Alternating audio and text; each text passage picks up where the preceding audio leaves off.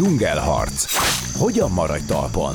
Rétai Igor műsora a KKV világáról és a vállalati kultúráról.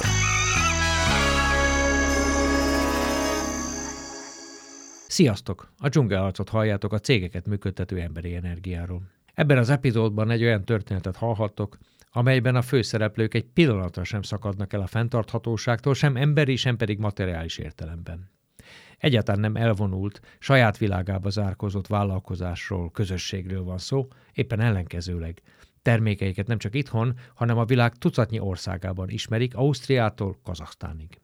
A családi vállalkozást a tiszta és őszinte kommunikáció, a feleség kifogyhatatlan energiája, ő azt szereti, ha az ideje legalább kétszer ki van használva, és a férj kuruc rebellis identitása és a sejtjeit is átható szakma szeretete tartja nem csak életben, hanem folyamatos mozgásban. Az, hogy ez miként működik, mi vezérli őket és hogyan néznek a világra, mai vendégeim Bodnár Marianna és Kalina Gábor, a Kalina Hordó tulajdonosai beszélnek. Sziasztok! Sziasztok, Kalina Gábor vagyok. Az első kérdést Gáborhoz intézném, mert hogy én most egy életfogytigranra ítélt emberrel beszélgetek. Így, ahogy mondod. Ez valóban hogy, így hogy, van. is, hogy van ez? Mitől ítélted magad életfogytigranra? Hát publikus, nem publikus, de ha megkérdezik tőlem, mindig azzal hát, szoktam nyitni, magunk hogy között vagyunk. magunk között vagyunk, így van, azzal szoktam nyitni, hogy alapvetően, hogy én ivarsejt korom óta készítek hordót.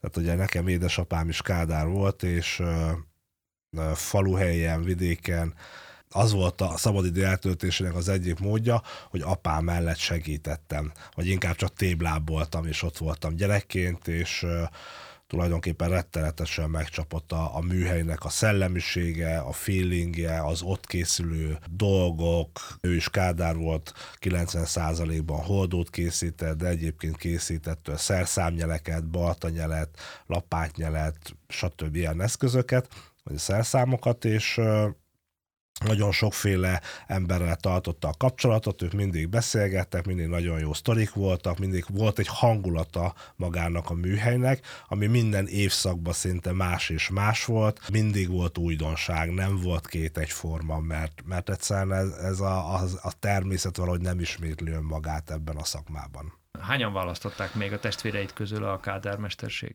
Édesapám abban a korban született, amikor mindenkinek még nem volt elektromos áram. Tehát ugye 1943-ban született, és vidéken még nem nagyon volt a elektromos áram, főleg a holdógyártásban. Ők még mindent kézzel készítettek. Az én nagymamám viszont átélt az 1929-es gazdasági válságot, amikor ugye nagyon sok mérnök, közgazdász, ügyvéd hazakerült tájára, akiknek bizony be kellett állni apa mellé, a ló mellé, és vezetni a lovat, és fogni az eke szarvát. És édesapámnak is megvolt ez az elmélete, hogy bármilyen világ jön, egy jól működő fizikai szakmai tudás, azért az nem hátrány. És alapvetően minden fiúval megtanította a szakmát, a szakmának az alapjait de én voltam az, aki szerintem a legelhivatottabb, a legelszántabb voltam ebbe az egészbe, és tehát én ebben, én ebben nőttem bele, én ezt csináltam. Egyébként ez jó gondolat, hogy bármilyen világ jön, egy jól megtanult igen. fizikai szakma tudása, az megment. Igen, igen. Marian, te feleségként igen. kerültél a családba, mikor is? Fú, hát 18 évvel ezelőtt augusztus 20-án, mert uh, Tolcsván akkor bornapok voltak, és uh, én tolcsvai vagyok eredendően, és uh, azt gondoltuk a Bor Fesztivál alkalmával, hogy édesanyám, én és a nagymamám hárman voltunk így nők, na nyissuk ki a pincét, és uh, egyszer csak megjelent Gábor a testvéreivel, megállt a szilvafa alatt, és nem tágított. Nyilván ő marketinggel jött a borfesztivál, hogy adjon el hódot, én akkor rácsodálkoztam, ha bár hegyai lány vagyok, hogy jaj, még készítenek hódot, hát uh, valahogy az volt akkor a nézőpontom, hogy ezek a régi kereskedőházas hordók uh, megállják a helyüket, ott vannak, még ki tudja meddig is, ennek nincs pótlása, de bizony van, úgyhogy én így kerültem. Akkor nyilván egyik randi, másik randi, Marketinggel indult lánykérés lett Marketinggel indult. Gábor elég tudatosan kereste már akkor a, azt a párját, akivel nem csak családot, hanem vállalkozást is tud indítani, alapítani, uh, igazából így kerültem ide. Megütötte a, fülemet az, hogy azt mondtad, hogy hegyaljai lány vagyok. Mhm. Mi ez az identitás? Valahol azt, hogy uh, szőlővel együtt kelni, együtt feküdni, a szőlővel együtt élni, a borral. Tehát a szőlő? A szőlő, igen. A szőlő igen. népe? Tulajdonképpen a szőlő népe, igen. Tehát a nagyszüleim ők kifejezetten szőlő munkások voltak, és onnan a mai napig is van édesanyámnak olyan szőlő, amit művel, és Azt Gábor mondta- is hegyaljai tulajdonképpen, mert még tája szintén oda Igen, csak, ő, tartozik. csak azért tőled kérdezem, mert ő nem mondta ezt a, e, e, ezt, a, ezt a kifejezést, viszont azt érezni lehetett, amit elmondott, és azt olvastam, hogy a szakmátok félig meddig, vagy a szakmát Gábor, az kihalóban van, mert nincs nagyon utánpótlás, Egyáltalán nincs utána. egyáltalán nincs. Oktatás szerűen nincs. És maga a holdógyártás egyébként az egy nagyon drága sportág, mondhatjuk ezt. A fa, a fa miatt? A fa és a, techno, és a hozzátársuló technológia miatt. Mai szemmel nézve kell hozzá egy nagyon magas szintű úgynevezett szakmai intelligencia. Tehát, hogyha önállóan akarsz holdót készíteni, akkor kicsit értsél a geológiához, kicsit értsél magához a fához, tehát annak a szövetéhez, növeked, növekedési dinamikához. Ezen felül, hogyha már mindez megvan, akkor nem árt, ha értesz egy kicsit a, a gépészethez, gépész technológiához, akkor mm, ha egy kicsit belekóstolsz mondjuk a gasztronómiába, mikor ég a holdóba a tűz és beleszagolsz, akkor el tudod azt dönteni, hogy ez most mondjuk baraclekvár, szilvalekvár, vajaskalács, gomba, stb. stb. Tehát, hogy milyen illatokat érzel, és, tehát és a végén is, amikor visszakóstolsz egy-egy bort, hogy ezeket azért tudjad definiálni. Hát most már, az, most már értem azt a mondatodat egy nyilatkozatban, amikor azt mondtad, hogy van a bor, amelyik egy önálló Igen. természetes Így van. termék, van a fa, amelyik Igen. önálló természetes termék, és a Kádár az, aki ezt a kettőt összehozza, és Igen. csinál egy speciális Igen. terméket. Hogy áll össze ez az emberben? Mitől áll ez össze? Hát gyakorlat, elhivatottság. Tehát amikor ezzel kelünk, ezzel fekszünk. Ez, ez ilyen. Tehát mondjuk, amikor te kimész az erdőre, látod a kivágott fákat, akkor te választod ki, Igen, én válogatom ki. és már tudod, hogy milyen hordó Tudom. lesz belőle, és mekkora, Igen, és tudom. mire fogod használni. Igen. A gépészet az mire kell egyébként? Nagyon sok speciális gépünk van, ami sajnos Magyarországon megszűntek ezek a úgynevezett tényleg modern, a 80-as, 90-es évek elején modern ö, gépgyártó üzemek, akár mondjuk hozzánk legközelebb ugye Diósgyőresig.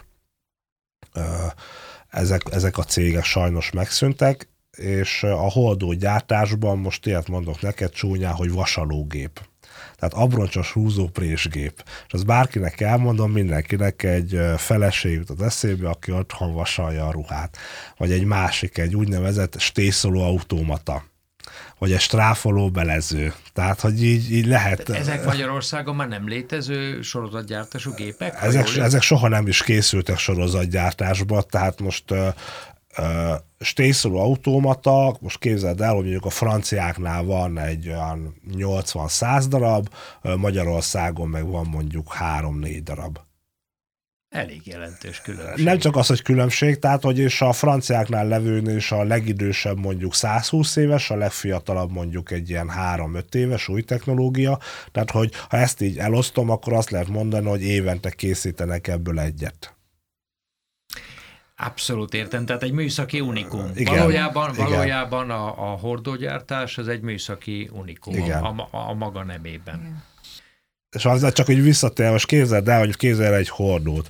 Sem párhuzamos, sem merőleges nincs benne. Hát én egyébként már ott kezdődik, hogy, hogy azt néztem a videókon, hogy hogy lesz ebből hajlott valami. A fát hogy hajtják be, aztán láttam, hogy kötelekkel, meg mindenféle húzókkal, de azért ez érde- érdekes, egy kicsit Igen. meséljünk erről. Igen. Szóval ott, ott látunk minden egyenes. Igen. Tehát ott, a, amíg a dongángról beszélünk, az egy szög egyenes, és ugye a végén mégiscsak meghajlik fel, ki lesz egy, lesz egy hordó forma. Nagyon-nagyon rövid és általános leszek, ugye kiválogatjuk a rönköt, beszállítjuk, feldaraboljuk, felhasgatjuk, De már ott tudjátok, ugye, amikor feldaraboljátok, és Igen. akkor már eleve úgy méretre szabjátok. így van. Tehát ugye külön vágunk palástanyagot, külön fenekanyagot, A palást az, ami a görbe. a, a görbe, így van, a fenekanyag az, ami ugye a hordónak a feneke. Ezt feldolgozzuk dongának, ugye ez egy ilyen téglalap keresztmetszetű, ezt kirakjuk száradni. Igen, ilyen átlagosan. 5-6 méter magas kis helyes Ö, tornyok, Igen, igen, igen, tornyokba, körkázt is szárítást Ahol a alkalmazunk. levegő is jár nagyon. Így van. Nagyon utána néztél a dolgoknak. Egy ilyen technológiát alkalmazunk. A Zemplini tölgynél ez egy viszonylag magas savtartalmú tölgyfa.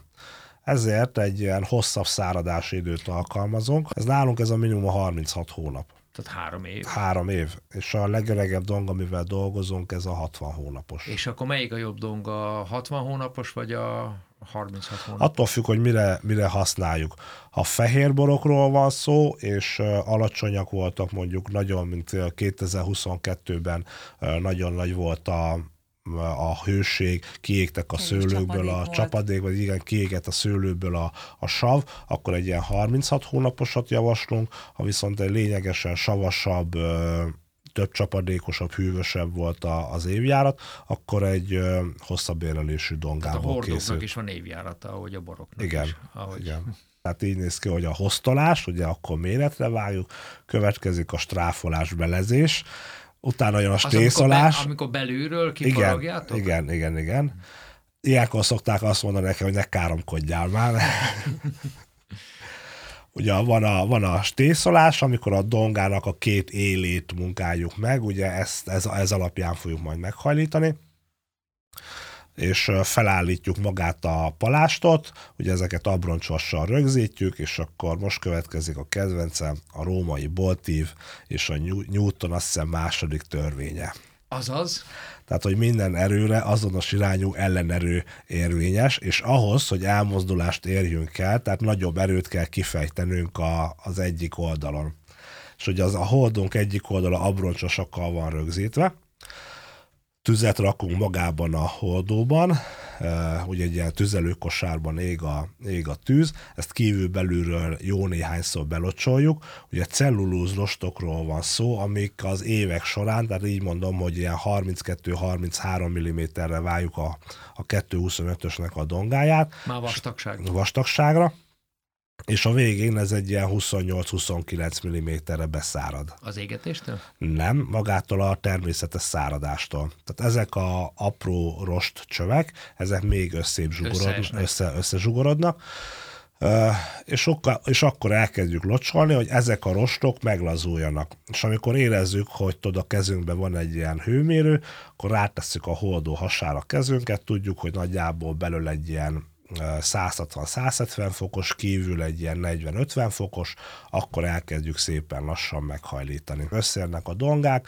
akkor ráteszünk egy ilyen úgynevezett csattos vasat, azzal megfogjuk, leütjük róla a drótkötelet, ugye nálunk ö, 2023-tól már korábban is egy hidraulikával húztuk össze, de idénre hála egyébként a, a magyar megmaradt műszaki zsenialitásnak, akik már sajnos ilyen 70 év körüliek és innovatív nyugdíjasoknak, hogy sikerült csinálnunk egy automata holdó összehúzó gépet, ami hőmérséklet, idő és nyomás együttes számításával húzza össze rettenetesen kíméletesen és nagyon-nagyon precízen a hordót. Tehát ez egy csúcs technológia, akárhonnan is Igen. nézzük. Ezt akárhonnan nézzük, valóban ez egy csúcs technológia. Neked mi a viszonyod a fához? Ó. Mi neked a fa? Azt tudom, hogy abból dolgozol. Tudod, amikor ránézek egy fára, és a fának ö, életet kell adnom, tehát megnövelem a, az élettartamát, hogy funkciót adok a fának azon kívül, hogy az erdőn volt, akkor nagyon jól tudom, hogy egy fa,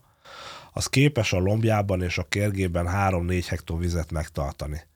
Amikor a, a víz az élet alapja. Tehát nem mindegy az, hogy hogyan gazdálkodunk a fával, mert ez a fa az, ami biztosítja nekünk az esőt, a, az éghajlatváltozást, mármint a pozitívan úgy, hogy a nyárból ősz legyen, és az őszből tél, és ne nyár legyen meg tél, hanem meglegyenek ezek a ciklikusságok, akkor, akkor számomra a fa az maga az élet. Lehet egy szakmát úgy szeretni, hogy azért kérdeztem ezt, hogy nincs viszonyod az alapanyaghoz. Nagyon fontos szerintem manapság egy olyan tudatosság, hogy túlnézni önön magadon. Amikor tudod azt, hogy egy fa 100-120 évig él, és amikor azzal a fával elkezdesz dolgozni, akkor például gondolj bele, hogy ezek a fák az 1800-as évek végén jöttek ki a földből, ugye monarchia, egy rövid ideig közt, királyság, köztársaság, tanácsköztársaság, horti rendszer, szálasi rendszer, köztársaság, rákosi rendszer, 56-ban három hétig köztársaság, Kádár rendszer, ezért, tehát demokrácia, és újra köztársaság. Hány rendszert, hány zivatart, mi mindent megéltek ez a fák. Már önmagában nekem megtiszteltetés, hogy én ezzel dolgozhatok. Marian, te ezt hogy tudod elfogadni, vagy elfogadod te is? Hiszen te később kapcsolódtál be. Nyilván nem ez volt az életed, amíg férhez nem mentél. Hogy illeszte, hogy illeszkedsz bele? Azért is kérdezem, mert azt Gábor azt nyilatkozta, hogy nagyon sok mindent kap tőled, más ö, nézőpontot. Az biztos. Azért és folyamatosan rád. fejlesztem magam, tehát a rengeteg tanfolyamra járok, ami nem feltétlenül ilyen, van szakmai is, de van, ami azon túl is. Hát amikor megismerkedtem, az volt az első dolgom. Pont akkor mondtam valahogy fel, a, a korábban a Citbanknál dolgoztam, de már nekem az úgy nem tetszett, mert sokat kellett egy helyben ülni, nagyon precízen, precízen oda kellett figyelni azokra a pici számokra, és valahogy ez én hozzám nem passzolt, és leültem, hogy megnézem, hogy egyáltalán milyen hordó típusok vannak és egyszerűen alig volt erről információ, és, és nem voltak jó honlapok. A Gábornak tulajdonképpen nem volt logója, nem volt honlap gyakorlatilag. Azt hiszem a mesterségével, ter, ter, meg a fá, fá, termék, fához kapcsolódott. Igen, igen, termék az volt. Én megjöttem egy olyan um, cégtől, ahol levélpapíron is ott volt, a borítékon is ott volt a logó, mind, tehát hogy, hogy egy ilyen környezetből, és uh, ehhez kapcsolódtam, és ezt kezdtem el föl építeni. Tehát a végzettségem szerint közgazdász vagyok, ha bár szerintem nagyon rossz, rossz közgazdász, viszont azért tanultam marketinget, tanultam menedzsmentet, és próbáltam úgy fölépíteni abból a, abból a szemszögből egy arculatot, amit, amit amit uh, kigondoltunk, vagy amit láttam másoktól esetleg, vagy, vagy nem feltétlenül követtem másokat, mert nagyon sokszor én nekem van annyi kreatív energiám, hogy én nem, nem szeretek másokat követni. és mit adsz azt pluszt, amit Gábor mondott, hogy nagyon fontos, a feleségről kérdezték, uh-huh. és hogy tulajdonképpen itt egy az életnek egy teljesen másik dimenziója élik De szakmailag számára. kérdezed, tehát hogy a céghez, szakmailag is, meg a Kft-hez, vagy, vagy magánéletileg? Mind a kettő, mert hiszen egyébként családi vállalkozásotok Igen, van. családi vállalkozás. Szakmailag a, a teljes administratív dolgot, tehát a, a bank, a könyvelés, a, a marketing, a, a levelezés, a ügyfelekkel való kapcsolattartás. Szeretsz ügyfelekkel beszélgetni? Mert egyszer nyilatkoztat, hogy igen, a Gábor röviden telefonál. Igen, igen, igen, igen azt szoktam mondani, hogy ha csacsogni te... szeretnének, és, és akkor hívjanak nyugodtan engem, nekem a erre van idő. szeretnek csacsogni egyébként? Igénylik? Én, én azt vettem észre, hogy aki valóban a, a, a szakmaiságra kíváncsi, a, a férfiak akkor inkább a Gábort hívják, hogyha már ők eldöntötték, hogy a mi hódunkat szeretnék megvenni, akkor inkább engem, hogy megerősítsem őket abban, hogy igen, És ők jól, jól döntöttek. Ez jól nagyon érdekes. Ez, ez mitől van? Hogy oké, okay, Gábortól Lehet, megkérdezik a nagyon szűk szakmát. Igen. És ugye a döntés akkor ezek szerint te úgy érzed, hogy nem egy esetben, vagy a megerősítés az azon múlik, hogy beszélgetsz -e vele? Annyira lehet érezni, hogy ő már eldöntötte, hogy tulajdonképpen ő tőlünk szeretné ilyen-olyan, vagy már volt velünk kapcsolata, vagy mert máshol látott bennünket, vagy valami. De van, amikor érdeklődnek, még fel tárják tulajdonképpen a piacot, hogy milyen szereplők vannak ott, és, és keresi a, a, a megfelelő hordót az ő borához, vagy pálataihoz, tehát hogy uh, spiritekhez, mhm. pálinkákhoz is szoktak uh, hordót keresni, és uh, uh, olyan esetben is hívnak vagy engem, vagy a Gábort, de, de ott, ott még az alap, tehát az információk alapján fogják eldönteni, hogy a számukra mi lesz a lehető legjobb. Ott igazából szerintem nem működik az, hogy most rábeszélni, vagy, vagy meggyőzni. Szerintem ez nem ott- egy olyan terület, ahol rá lehet beszélni bárkit Én is. szerintem ugye? sem. És te szeretsz emberekkel csak hogy beszélgetni? Vagy ez, Egyébként igen. igen. ez úgy azért is vál, nyilván, nyilván nem vagy kádár, és így, és így azért ez egy elég Azért sok erőteljes mindent szakma. ellestem a, a műhelybe, tehát uh, volt, amikor én is mentem uh, hordót tüzelni, vagy dongát pakolni, vagy feneket kiszedni, tehát vannak olyan lépések, amik, amiknek a fejlesztése hozzám inkább kapcsolódik, mint a Gáborhoz. Titokban megcsináltam, és akkor ú, addig nem mondom el, hogy ha mellé lövök, akkor le fog engem tolni a Gábor, és majd, hogyha működik, akkor megmutatom, és működött, úgyhogy örülök mégis így utólag. Mert ugye családi vállalkozásnak ugye többféle oldala is van. Van, amelyik látszólag jó, van, amelyik néha nem olyan jó. Hogy voltak korábban családi vállalkozások, és bizony meséltek arról, hogy nem mindig fenékig tej fel az élet, mert nagyon összefonódik a magánélet, és nagyon összefonódik a vállalkozás. Tehát a tulajdonosok vitatkoznak, tehát valami olyanon vitatkoznak a házastársak, ami egyébként nem a házastársukhoz tartozik, Igen. mert a vállalkozáshoz tartozik, tartozik, de mégis ott megjelenik a házastársi életben. Ezt hogy lehet kezelni? Tehát nem arról van szó, hogy nem figyelsz rá meleget, hanem nem csináltad meg azt az ügyet. Ez, ezt egyébként majd minden nap megéljük mi is. Ha van, A amikor fogalma- kevésbé Igen. heves, van, amikor meg hevesebb. De az most köztetek ez nem egy főnök beosztott viszony, tulajdonos tulajdonos. Tulajdonos, tulajdonos viszony van. És ez is nehezíti Ez, néha. ez is nehezíti Néha a... könnyíti, de néha nehezíti. Én szoktam mondani a Gábornak, meg úgy egyáltalán, hogyha elmegyünk egy étteremben, és amikor beszélgetünk, én azt gondolom, hogy a beszélgetésünknek, és ez csak egy hétvégi étterem, több mint az 50%-a az üzlet, az, hogy most kinek milyen hordó, mik lesznek a tervek, hogy csináljuk, hogy ne csináljuk, tehát, hogy ez, ez olyan szinten az életünk, hogy ez ennyire.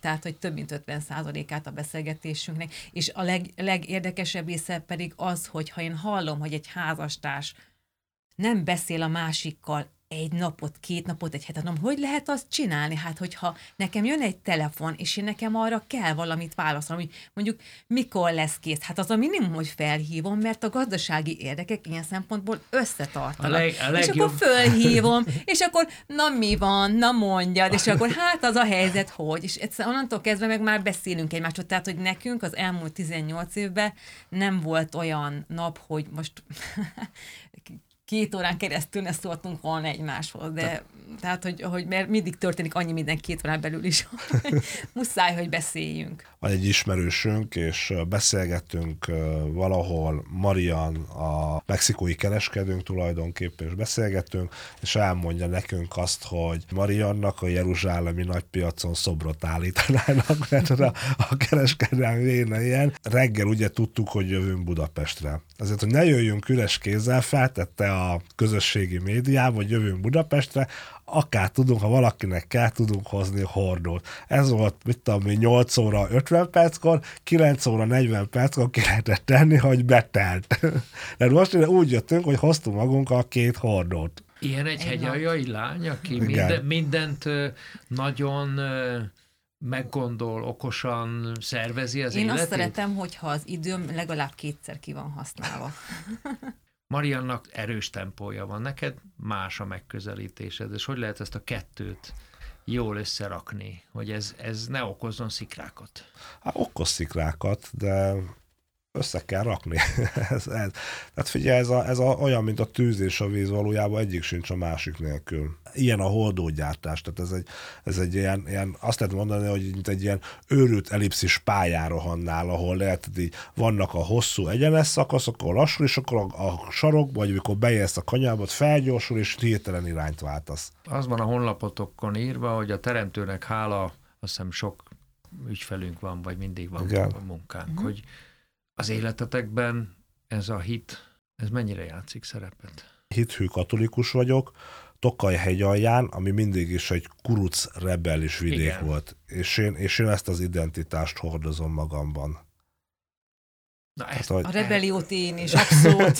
Tehát, hogy mindig el szoktuk mondani így barátokkal, hogy igen, tehát ha és egyébként ez annyira jellemző a, a mi környezetünkre, hogy máshol, ahol tudod, ez a, ez, a, ez a kurutság, hogy csak azért is megcsinálom, és csak azért is, vagy nem csak azért, de majd én jó, hogy csináltok, hogy egy kicsit gondolkodok rajta, és majd másképp lesz, hogy simán látom Magyarország jelentős része, hogy valaki kiáll, és azt mondja, na emberek, holnaptól kezdve a nap ott fog felkelni. Az emberek mondjuk azt, hogy kétharmad része ezt elhoszi. Tokaj hegyalján ez úgy néz ki, hogy mindenki áll, és azt mondja, nem hangosan, mert sok forradalmat levertek felénk, azt már megtanultuk, hogy a szánkat befogjuk. Mindenki azt mondja, hogy neked. Nekem nem. És egyébként ez egy individualista közösség, vagy egy, vagy egy közösség, közösség, összefogó közösség? Mert azt mondod, hogy neked. Egyénileg nagyon széthúzó, de szerintem, mint a magyarokra jellemző, hogy ha baj van, akkor iszonyatosan összezárnak. És mi vezérli ezt a gondolkodást? Mi ennek a magva a dolognak? Gondolkoztál rajta, hogy ennek a, ennek a nagyon erős elszántsága? Azt szerintem a, az öntudat. Az, hogy hegyaljai vagy? Igen. Tehát azért hegyalja, főleg tája, szabadkirályi város volt, ott nem voltak jobbágyok. Két embernek adóztak, a pápának vagy a királynak. Nem volt robot, nem, volt, nem voltak jobbágyok ott mindenki szabad volt, ott mindenki megtermelte a maga kis borát, és azt eladta. De ha már a bor szóba került, és itt van előttem egy ember, aki ezt éli, és nem csak így beszélgetünk a kultúrának a hatásairól, hanem ez azt jelenti, hogy egy exporttermék születik belőle, Igen. Amit, amit sok pénzre ad. Két dolgot akarok kérdezni, hogy a Kádárnak van-e saját bora? Van, van saját borom. Már rég kóstoltam én is. Uh, és akkor azért kérdezem, De... hogy, hogy, hogy ez érzed, hogy fontos, hogy kell, hogy legyen saját borod, vagy egyszerűen ez onnan van, hogy hát hegyalján vagyunk, hát kinek nincs bora.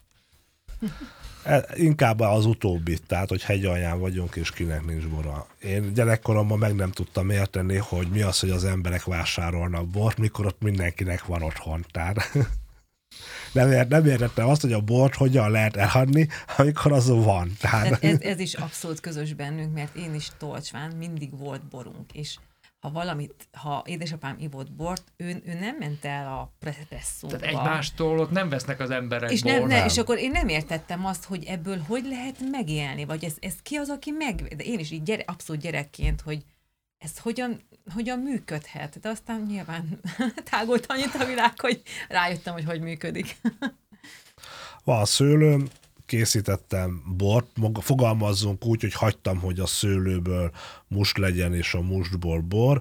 Tehát ez úgy nézett ki, hogy az öcsém művelte a szőlőt, leszületeltük, kipréseltük, betettük egy új fahordóba, benne volt azt hiszem egy ilyen két-három évet, és utána a lányunkkal közösen lepalaszkoztuk. Semmilyen kezelést nem kapott, semmit nem csináltunk magával a borral, és időnként felbontunk belőle egy-egy palackkal, nagyjából egy folyamatosan ittunk belőle, de egy körülbelül azt hiszem egy ilyen 150-180 palackkal készült csak. Tehát az nem, nem a fa és nem a hordó, a bor az egy másik, Igen. másik Igen. kategória. Azt is mondtad, hogy szeretnéd elérni azt, hogy olyan árakat tudják kérni, amit a franciák már nem szégyelnek. Szóval, hogy nekünk, ha ugyanolyan jók a hordóink, akkor mitől van az, hogy, hogy nem ugyanaz az ára? Ezt a, a franciák nagyon ügyesen meglovagolták, nagyon ügyesen élnek vele nagyjából 80-100 éve. Hát igen, a franciák azért mégis csak egy nagy, hagyományosan idézőben nagy borkészítő uh-huh. nemzet. Igen. Ezt a világ így tudja. Ezt így, ezt így tudja a világ, ez mindenkinek ez van a, ez van a fejében, de a világ változik, és hál' Istennek körbeértük a bolygót, tehát most már egy kattintással ebből a stúdióból is akár megnézhetjük, hogy Grönlandon milyen az időjárás, vagy akár Fogföldön, tehát teljesen mindegy, hogy melyiket egy pillanat alatt eljuthatnak hozzánk az információk, és ugye olyan új piacok jelennek meg, mint mondjuk Üzbegisztán, Kína, Lengyelország. Japán, Lengyelország. A klasszikus, az évszázados piac. Igen, tehát hogy ilyen új bortermelő piacok jelennek meg, ahol azért jóval szabadabban, függetlenebbül döntenek, és sok esetben ugye a borászat sem egy olcsó sport, és valahol az árral ö, minősítünk is egy-egy terméket, és ezért, ahol azt akarjuk, hogy úgy kezeljenek minket, mint a franciák, akkor megközelítőleg olyan árat is kell elkérnünk. Ha bár, azt hozzá kell tenni, hogy ezen a piacon nincsen urambátyám rendszer, itt nagyon is, nagyon is magas minőséget kellett tenni. Itt azt tudni kell, hogy a, borász, a borász világban azért az nem ritka az, hogy oda mennek, megkóstolják a bort, és megmondják, hogy mennyi időt száradt a fa, főzött vagy gőzölt volt a hordó, tehát hogy mint egy parfüm or úgy ki tudják ezeket kóstolni. De egyébként nagyon bizalmi szakma, mert az, hogy eldőljön arról egy hordóról, hogy valóban jó-e, hát ez sok-sok évnek kell eltelnie. Igen. Azt is mondtad egyszer, mivel nem kapunk magas szakmai elismerést, Oscar díjat, ezért csak a belső inspirációra tudok hagyatkozni. Igen. Azért, mert tudod, mindig látom magam, hogy 20 évvel ezelőtt készítettünk holdót, és hogy most készítünk a hold, most készítünk holdót, ha bár a folyamat az, az, az, az teljesen ugyanaz, de maga a szakmaiság, tehát a száradás, a, a, a hordóban égő tűz, a tűznek a dinamikája, tehát ezek, ezek nagyon-nagyon sokat változtak, és nem véletlenszerűen, már volt benne véletlenszerű is, mert tudjuk, a véletlenekből is nagyon jó dolgok lesznek, de sokszor ez már tudatos. Tudatosan csinálunk ezt azt. Marian, azzal, hogy te férjhez mentél Gáborhoz, hogy tudtál ezzel, vagy hogy sikerült? Nyilván azonosultál vele, mert a felesége vagy, és tulajdonos társ is, de hogy ment ez, a, ez az átalakulás, mondjuk így a teljes kívülállóból egy valódi tulajdonossá, egy szenvedélyesen a céget előrevívő emberré? Vannak olyan embertípusok, akik meg akarják menteni a bolygót, a világot, a párjukat, a vállalkozásukat, és folyamatosan bele, bele oldottam, musodtam abba, hogy jó, ha most akkor nincs hódó eladás, akkor hogyan tudok segíteni. Én beszélek angolul, meg németül, és akkor nyissunk ezekre a piacokra is, amik nem Magyarország. Azokkal az eszközökkel, amik a rendelkezésemre álltak, elkezdtem ezt csinálni. Tehát nála, veled indult sikerek, be az export? Igen, igen, ez egyértelmű, nálam indult be az export. Voltak uh, sikerek uh, az osztrák és a német piacon, mert ugye németül beszélek, és ott is németül beszélnek, és uh, azért oda egy jóval magasabb áron tudtunk értékesíteni, és azért abból sok mindent fel tudtunk építeni. A házat, a műhelynek egy részét, tehát hogy igazából azokból a pluszokból, ami, amit Magyarországon nem tudtunk realizálni, azt ott tudtuk realizálni, és így folyamatosan így beleoldottam, belemosódtam ebbe a, ebbe a szituációba. Tehát, hogy mondhatnám azt, hogy észrevétlenül. Tehát, hogy, hát hogy ez, ez nem volt tudatos, csak az, hogy na jó, akkor ha, ha otthon vagyok a gyerekkel, és éppen a gyerek alszik, akkor, akkor hogyan tudom azt, ami a közös életünk előbbre vinni, és hát így, így folyamatosan. Hát azért elképzelem, hogy oké, okay, most föl is valakit Ausztriába, hogy jó napot kívánok, Podnál már van a tájáról. Hm?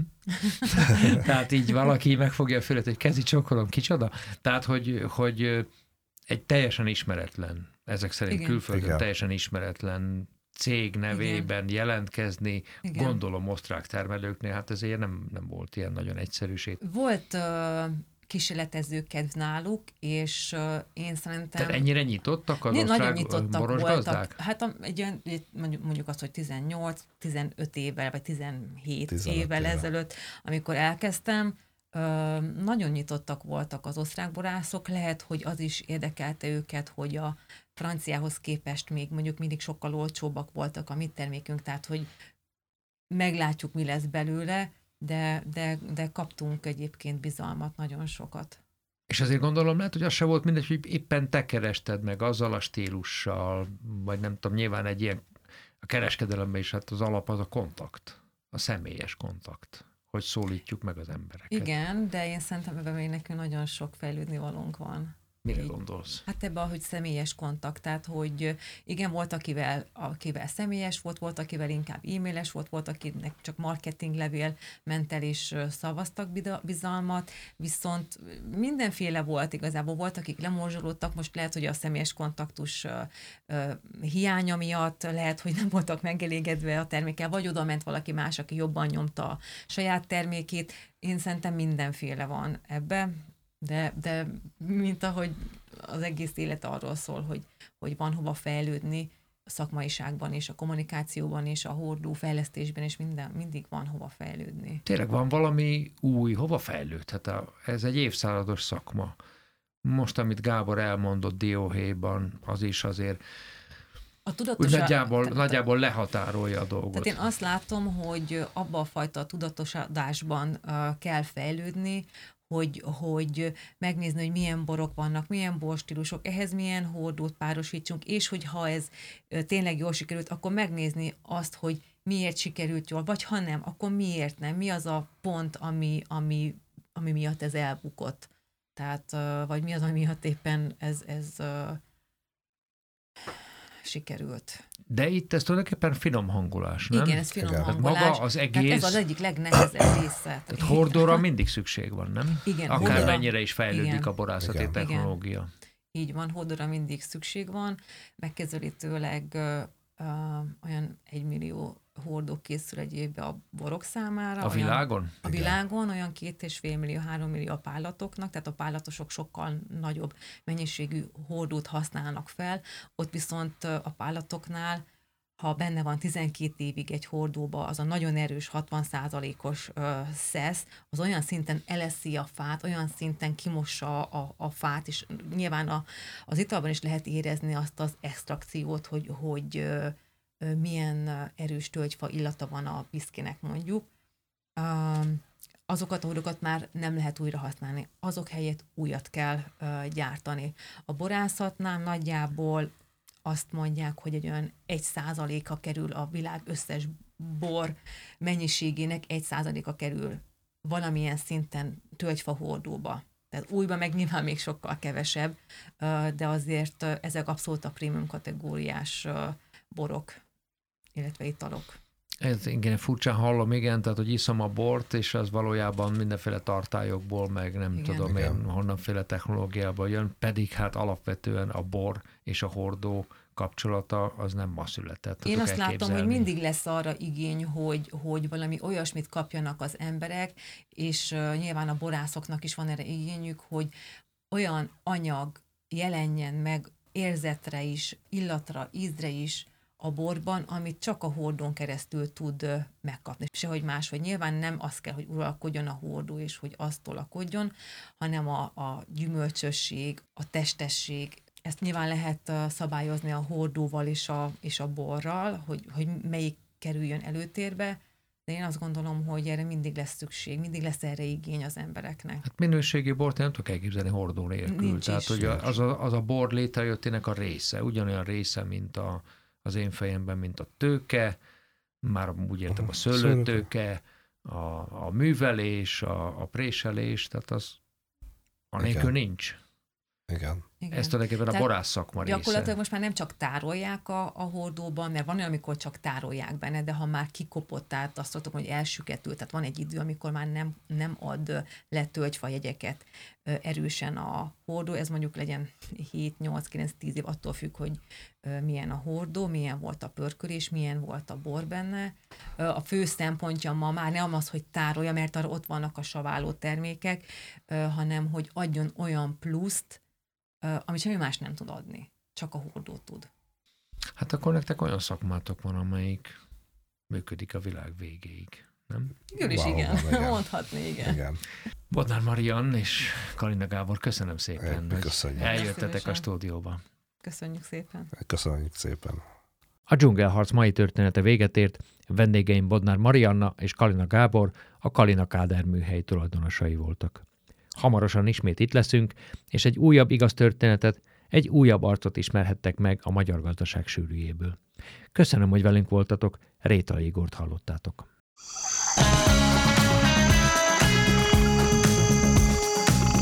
Dzsungelharc Hogyan maradj talpon? Rétai Igor műsora a KKV-k világáról és a vállalati kultúráról.